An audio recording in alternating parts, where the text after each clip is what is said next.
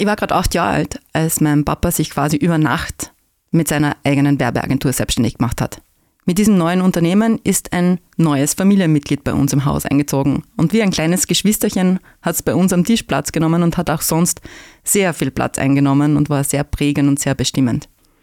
Ich selbst habe mein Glück zuerst in der Ferne gesucht und ähm, einiges ausprobiert, bevor ich meinen Weg zurück und dann auch meinen Platz in der Werbeagentur gefunden habe. Zuerst als die Tochter vom Chef, dann in der Geschäftsführung sozusagen als Juniorchefin und jetzt bin ich die Nachfolgerin. Mein Name ist Susanne Hattinger. Ich bin Mama von zwei großartigen Kindern, Chefin einer Werbeagentur, Präsidentin eines internationalen Agenturnetzwerks, Coach und Mentorin für Frauen aus Familienunternehmen und das hier ist mein Podcast. Du kannst die Welt nicht verändern, aber wenn du dich veränderst, verändert sich die ganze Welt. Meine Geschichte dazu, die ich heute erzählen möchte, nennt sich die Malediven-Geschichte. Warum? Das wirst du gleich erfahren und vielleicht kannst du das eine oder andere Learning daraus mitnehmen. Ich bin seit 2012 in der Geschäftsführung der Werbeagentur. Wir haben davor schon sehr lang vorbereitet, also diese Unternehmensübergabe auch mit Unternehmensberatung vorbereitet, weil das auch tatsächlich eine sehr große, eine sehr große Umstellung war.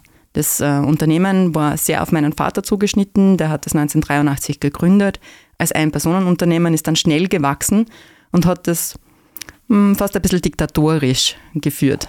Er hat ähm, selbst unglaublich viel gewusst, gekonnt, wie er selber gern sagt, eigentlich alles am besten gewusst und gekonnt. Und die Menschen um ihn herum haben am besten erfüllt, was er sich vorgestellt hat und haben umgesetzt, was er sich vorgestellt hat. Man ging nicht zu Hartinger Consulting, sondern man ging zum Hartinger. Und auch beim Team war es so, dass das sehr stark auf meinen Vater zugeschnitten war. Insofern war es eine recht eine große Herausforderung, diese Agentur mit 15 Mitarbeitern zu übernehmen und auch die Kunden da mitzunehmen. Es hat mir sehr viel Kraft und Willensstärke und auch einiges an Konsequenz gekostet, um das neu zu formen.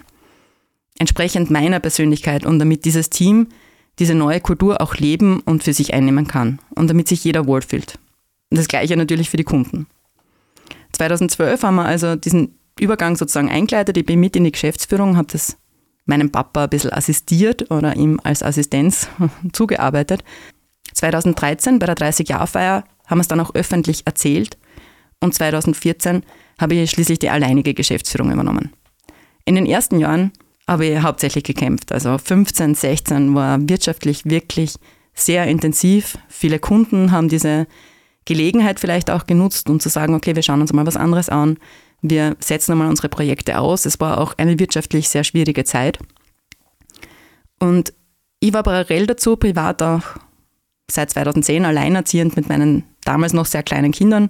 Wir haben uns noch ein Zusatzprojekt äh, geleistet und haben unser Haus, unser Zuhause umgestaltet und umgebaut und das sehr aufwendig. Also es war vieles auf einmal, viele verschiedene Baustellen. 2016 hat sich dann langsam der Winter ein bisschen gedreht. Wir haben erste Erfolge gespürt, haben gespürt, dass Kunden tatsächlich zu uns kommen und sich bei uns auch wohlfühlen und Projekte wieder neu starten. Und wir haben mit einem großartigen Pro Projekt für einen Kunden von uns den ersten Preis in Deutschland gewonnen, den Deutschen Preis für Online-Kommunikation und uns da also richtig feiern lassen. Das Team hat sich also super entwickelt und 2017 hat sich das auch wirtschaftlich niedergeschlagen und ein wirklich gutes Jahr gehabt. Neue Kunden, die zum neuen Team kommen sind, neue Kompetenzen, neue Aufgabenfelder und ein tolles Team, das auch funktioniert. Man kann sagen, es ist eigentlich alles aufgegangen. Und 2018 wäre so der Moment gewesen, um zu sagen, hm, jetzt ist endlich alles gut, um durchzuschnaufen und einmal zu genießen. Das Gegenteil war der Fall. Ich war unglaublich müde, habe ganz wenig Motivation gehabt, auch ein bisschen die Freude verloren und einfach keine Kraft mehr gehabt. Und das hat man natürlich auch im täglichen Tun gespürt, das hat mein Umfeld gespürt. Und ähm, ich habe das auch formuliert oder angefangen zu formulieren und habe immer wieder gesagt, dass ich bin einfach müde. Bis so weit gekommen ist, dass tatsächlich aus dem Team heraus eine kleine Intervention, Intervention gestartet wurde und mir nahegelegt wurde, mich um mich zu kümmern und mal danach zu schauen, was da los ist. Ähm, weil es schaut so aus, als würde es dir nicht gut gehen. Und ich habe auch versucht, das in meinem direkten Umfeld, in meiner Familie gut zu kommunizieren. Ich habe unglaublich viel Unterstützung bekommen vom Team und auch von meiner Familie. Mein Vater, meine Schwester, die damals auch mit im Unternehmen war oder schon mit im Unternehmen war, die haben mich da sehr unterstützt und gemeinsam haben wir beschlossen und auch möglich gemacht, dass ich mir im Sommer vier Wochen Auszeit nehmen kann. Ähm, die vier Wochen im August haben sich dafür perfekt geeignet. Meine Kinder waren im Sommer immer in Spanien bei der Familie von Papa. Das heißt, diese Verpflichtung ist auch weggefallen und ich habe wirklich diesen Monat, diese vier Wochen Zeit bekommen und gehabt, um auf mich zu schauen, um Zeit für mich zu nehmen, um einfach mal zur Ruhe zu kommen. Und ich habe mir extra nichts geplant, also keine, keinen Urlaub geplant, keine Termine ausgemacht, wirklich so, um keinen Urlaubsstress zu haben. Tun, auf was ich Lust habe und wenn ich nichts tun will, passt das auch. Und man würde sich ja dann vorstellen, dass so nach einer Woche, so habe ich es immer zumindest vorgestellt, dass nach einer Woche ein bisschen Erholung eintritt und man langsam spürt, wie es besser wird. Und das Gegenteil war der Fall. Also es ist eigentlich immer schlimmer geworden. Nach einer Woche bin ich echt dort gesessen und habe mir gedacht, oh mein Gott, wenn das jetzt so weitergeht, dann weiß ich überhaupt nicht, was ich tun soll, weil am Ende wird sich doch jeder denken, du warst jetzt vier Wochen zu Hause und hast dich entspannt und hast auch Zeit gehabt, um dich zu erholen, also musst jetzt voll Kraft wieder zurückkommen. Und ich habe mir eigentlich so gefühlt, wie wenn ich überhaupt gar keine Kraft hätte und die Kraft immer weniger wird, auch da noch weniger wird wenn ich Leute getroffen habe, die mich dann auch gefragt haben und gesagt haben, es tut schon mal gut, nichts zu tun, oder? Oder hast du dich schon gut erholt? Dann habe ich wirklich gekämpft damit, dass ich nicht in Tränen ausgebrochen bin und habe versucht, diesen Gedanken klein zu halten, was passieren wird, wenn ich zurückkomme. Also wirklich totale Verzweiflung. Mm. In diesem Moment habe ich wahrscheinlich durch einen Wink des Universums auf Facebook Fotos von einer Freundin von mir gesehen. Die hat tatsächlich wunderschöne Urlaubsfotos gepostet. Und zwar von den Malediven. Ich habe mir das angeschaut und habe mir gedacht, okay, sehr spannend. Die ist da allein auf den Malediven, das wäre mir nie eingefallen. Ähm, das ist doch mehr so eine Honeymoon-Geschichte, so ein Pärchenurlaub, was man da eigentlich macht. Und habe sie dann angeschrieben und gesagt, Philippa, was machst du auf den Malediven? Und sie hat gesagt, es war so arbeitsintensiv die letzte Zeit. Und dann habe ich mir gedacht, ich nehme eine Auszeit und gehe dorthin, wo es wirklich ruhig ist. Und bin da auf den Malediven und es ist großartig. Und ich gesagt, aber ist das nicht schlimm mit diesen ganzen Bärchen rundherum und so? Und dann hat sie gesagt, nein, im Gegenteil, das ist total super, weil jeder ist so auf sich konzentriert und jeder möchte auch für sich alleine sein. Und du hast wirklich einmal Zeit und Ruhe, um für dich zu sein und kannst da deinen Platz nehmen. Gut, dann habe ich gedacht, dann ist es das, die Malediven. Und habe mich aufgemacht tatsächlich und bin ins Reisebüro spaziert zu einer Bekannten. Und habe mich hingesetzt und habe gesagt, du, ich würde gerne einen Maledivenurlaub buchen. Und sie gleich Feuer und Flamme, weil sie war selber schon ein paar Mal, also so Testreisen auf den Malediven und hat mir gleich vorgeschwärmt, wie schön das ist und wie toll und dass mir das unglaublich gut gefallen wird. Und dann hat sie gesagt, wann möchten fliegen? Im Dezember oder im Jänner? Und ich habe gesagt, nein, nichts Dezember, nichts Jänner, morgen oder übermorgen.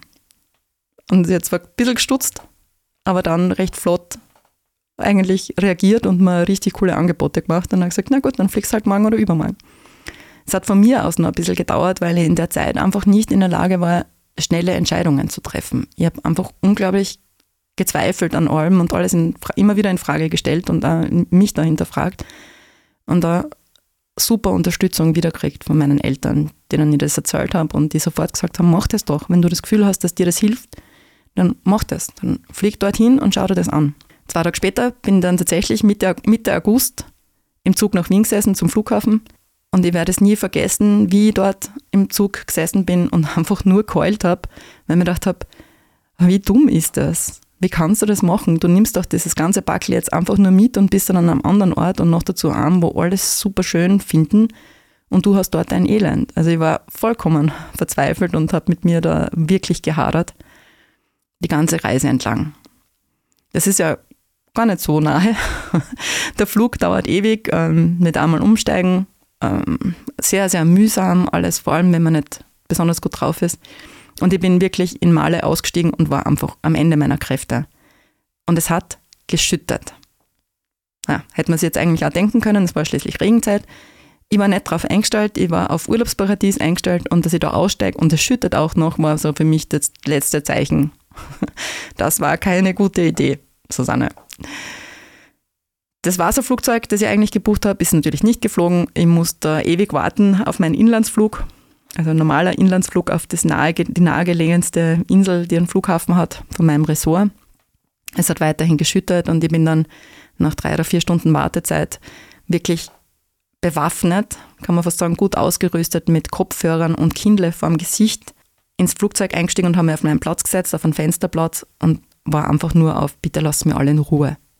Wenn mich wer kennt, der weiß, normalerweise lerne ich am Flughafen schon die ersten zwei, drei Leute kennen. und habe schon erste Kontakte geknüpft. Dort war es wirklich einfach nicht mehr möglich. Ich hatte die Kraft nicht und ich habe gar keine Motivation gehabt und ich wollte einfach nur in Ruhe gelassen werden.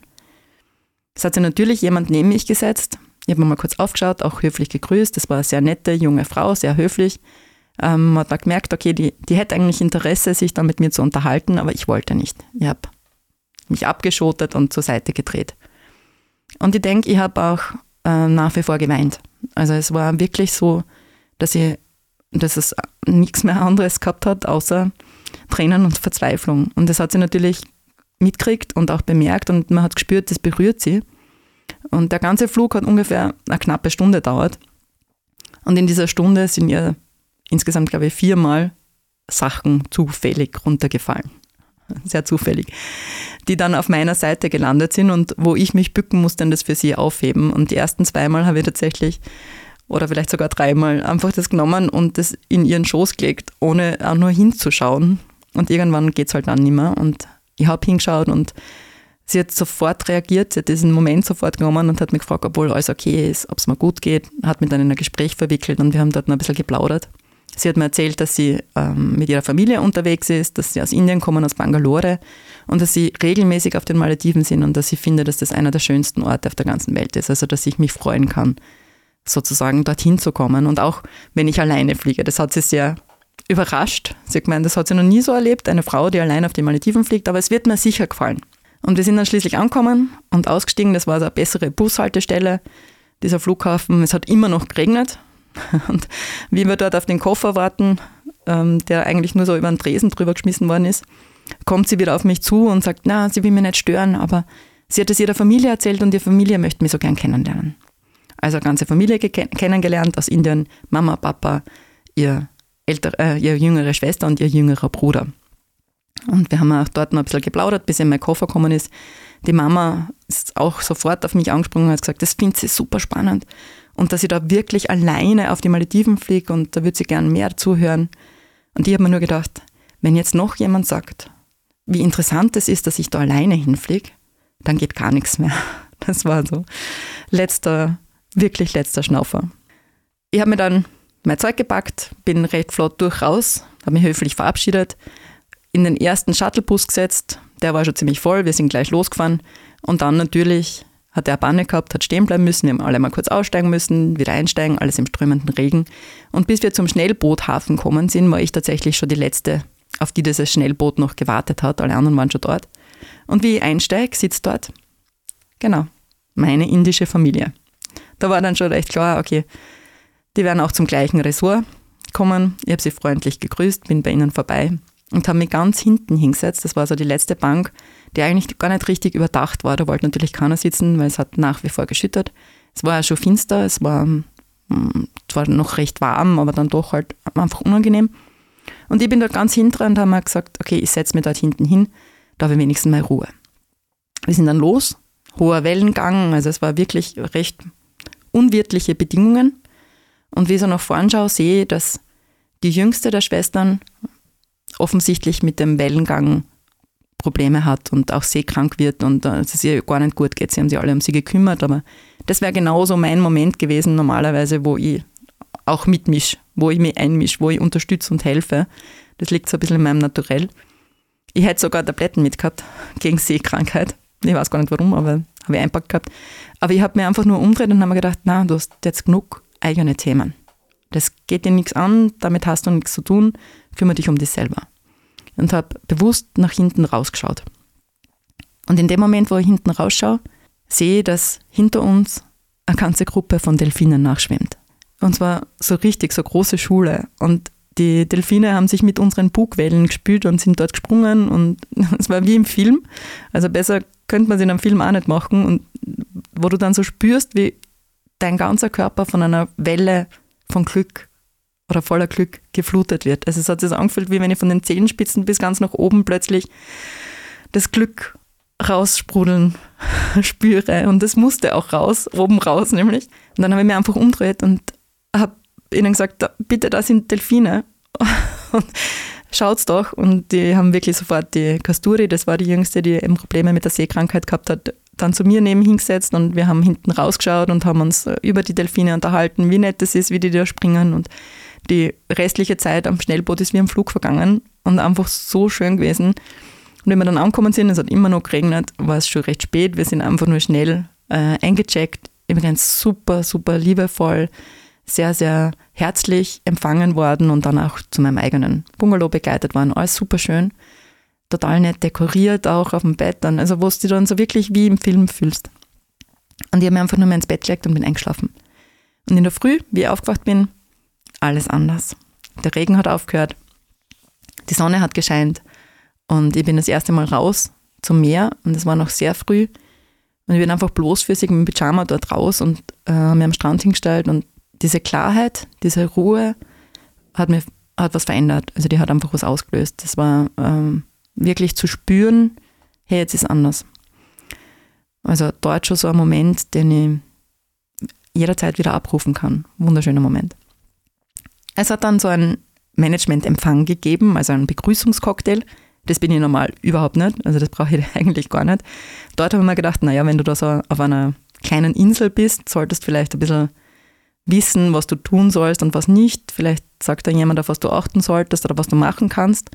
Also bin ich dorthin. Und natürlich, wer war auch dort? Meine indische Familie. Und dort habe ich es dann echt schon so empfunden und habe mir gedacht, das ist tatsächlich meine indische Familie. Sie haben mich auch so aufgenommen, wie wenn ich mit dazugehören würde, haben mich sofort begrüßt und ganz herzlich äh, umarmt und in die Mitte genommen. Und es hat sich dann herausgestellt, dass die auch wirtschaftlich verbunden sind mit dem Ressort. Oder sind, haben investiert in dieses Ressort und die Srisha, die neben mir gesessen ist im Inlandsflug, hat mit ihrem Freund gemeinsam auch an dieser Biogasanlage dort mitgebaut. Also die haben ganz wirtschaftliche Verknüpfungen gehabt und waren regelmäßig in dem Ressort, haben auch alle gekannt, waren dort super toll integriert und die haben mich da einfach so mit reingenommen. Also einfach mitgenommen. Und das Coolste war dann, dass eigentlich im Laufe dieses Cocktails die Mama, die Namrata, immer wieder neben mir gestanden ist und gesagt hat, ja, und sie wird sich gerne mal mit mir treffen und ob ich vielleicht Lust hätte, dass wir am nächsten Tag mal einen Kaffee trinken gehen oder vielleicht ein Bier weil sie würde so gern mit mir reden, sie möchte so gern meine Geschichte erfahren. Naja, auf so einer Malediven Insel hast du jetzt nicht so viel zum tun, haben wir gedacht, dann kann ich mich auch mit ihr treffen und es ist vielleicht eh ganz spannend, wenn wir da ein bisschen reden. Und wir haben uns dann tatsächlich am nächsten Tag getroffen und sie hat mir zuerst ihre Geschichte erzählt. Sie hat äh, Marketing studiert, hat eine äh, tolle Karriere gemacht in einem großen Konzern in Indien, war dort fürs Marketing hauptverantwortlich hat ihren Mann kennengelernt. Der Rajpal war damals Witwer mit einer Tochter aus der ersten Ehe. Sie haben zusammen zwei weitere Kinder gekriegt, die auch mit dort waren. Alles toll, alles großartig, bis eben der Bur so ungefähr 15, 16 Jahre alt war und dann ist der Bur schwierig geworden, hat sie gemeint. Es war so anstrengend mit ihm. Und sie ist zu einem Psychologen, um einen Termin für den Sohn zu machen. Und der Psychologe hat zu ihr gesagt, es sind nie die Kinder, es sind immer die Eltern.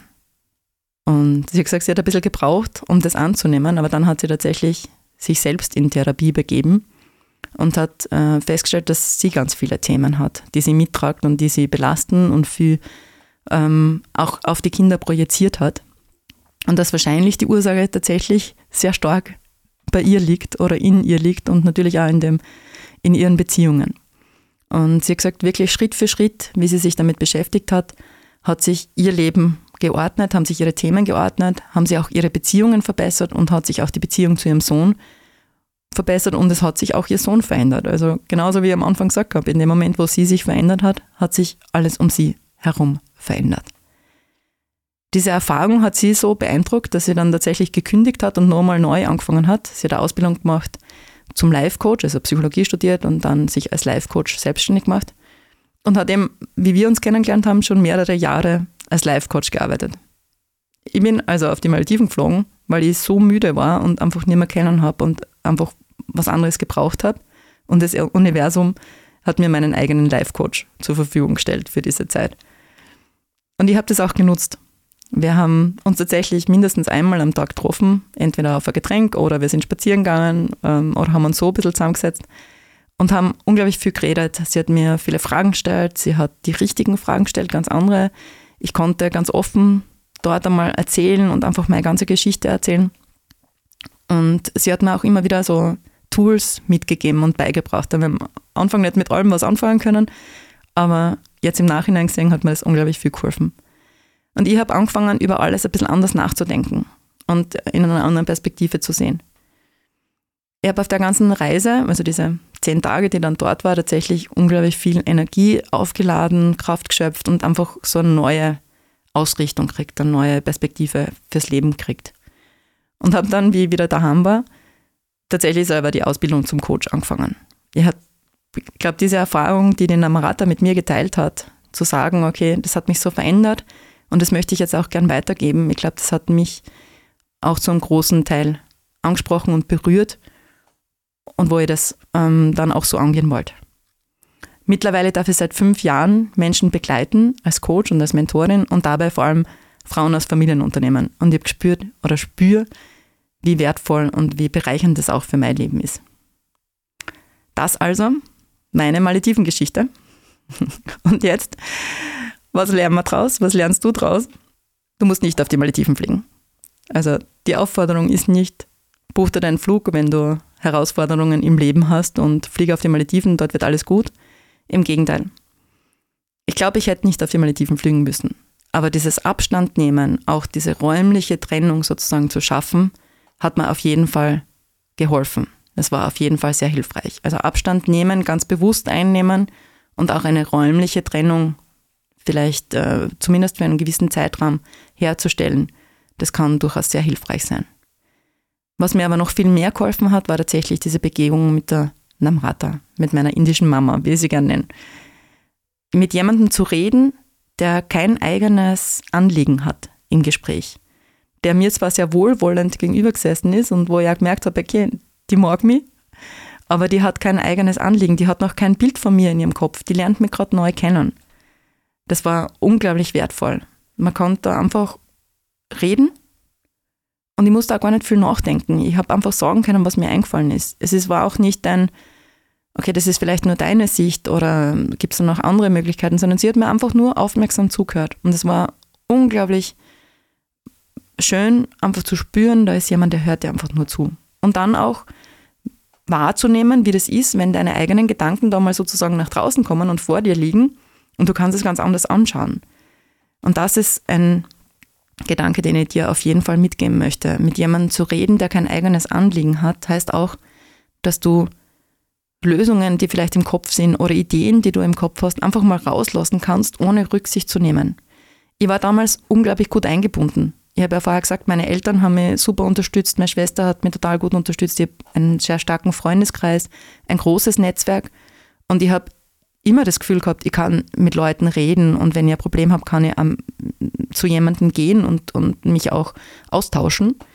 Aber natürlich ist es anders, wenn du jetzt, wenn ich mit meinem Vater hinsetze und sage, du, ich überlege, dass ich jetzt nicht nur diese vier Wochen Auszeit nehme, sondern vielleicht dann noch drei Monate mehr, weil es ist noch nicht genug oder ich möchte mal was anderes erkunden, dann wird bei ihm sofort ein eigener Film ablaufen. Und zwar der, dass er sagt, okay, was heißt das dann? Wie organisieren wir das? Wie kriegen wir das hin? Wie sie dann überhaupt wieder zurückkommen? Ist das dann noch für sie interessant? Und automatisch wird er dementsprechend auch reagieren. Und sogar wenn er nichts sagt, werde ich das spüren. Und in Wirklichkeit habe ich auch ein Bild, habe ich ein Bild davon im Kopf, wie er reagieren wird. Das heißt, wahrscheinlich werde ich ihm auch schon was in seinen Kopf legen, wo ich glaube, dass das vielleicht dann rauskommt dass ich dort mit einem Amrata einfach Ideen spinnen habe können oder sagen habe können, vielleicht möchte ich das und das machen. Ohne zu überlegen, wie wäre das überhaupt möglich oder ohne einen Plan dahinter zu haben oder ohne dann nachzudenken, was würde das für andere bedeuten, war eine Erkenntnis, die mich extrem weitergebracht hat. Also das hat einfach so viel befreit und erleichtert. Das also die zwei Gedanken, die ich dir da dazu mitgeben möchte. Das eine ist tatsächlich zu sagen, schaff räumliche Distanz, wenn es möglich ist. Und die andere ist, dir jemanden zu suchen, der kein eigenes Anliegen hat, der kein äh, Bild von dir hat, sondern wirklich frei und offen auf das reagieren kann, was du sagst. Die Namrata hat mich auf den Malediven immer wieder gefragt, was ich eigentlich gern mache und was mir Freude macht. Weil ich habe natürlich mit diesem Ansatz auch gekämpft, dass ich gesagt habe, ich, ich habe nichts mehr, es macht mir nichts mehr Freude. Ich habe keine Freude an nichts. Ich bin nicht motiviert, ich bin müde. Und sie hat gesagt, na, denk mal nach, was machst du denn gern? Was macht dir Freude? Und hat mich immer wieder dazu gebracht, drüber nachzudenken und, und das auch auszusprechen. Und das Einzige, was mir wirklich gleich eingefallen ist, ist, dass ich gut mit Menschen kann, normalerweise, und gern rede. Mit anderen, aber auch vor anderen. Ich habe nur nie das Gefühl gehabt, dass das eine besondere Fähigkeit ist. Reden kann ja eigentlich jeder. Das ist wirklich nichts Besonderes. Und doch weiß ich jetzt, dass es genau die Fähigkeit ist, die ich nutzen kann, um was zu bewirken, um anderen zu helfen, um andere zu unterstützen.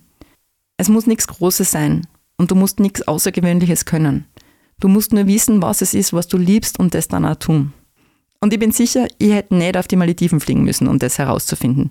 Aber sagen wir uns mal ehrlich, es gibt schlimmere Wege. Das war die zweite Folge meines Podcasts, die Nachfolgerin. Alle Infos zu mir und diesem Podcast findest du natürlich auch in den Shownotes. Ich hoffe, du hast die Zeit genauso genossen wie ich.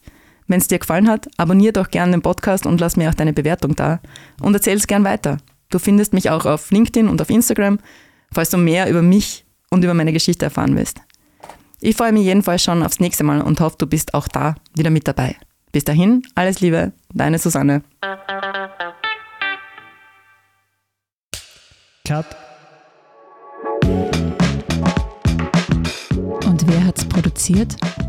Das Pod. Deine Podcast-Agentur.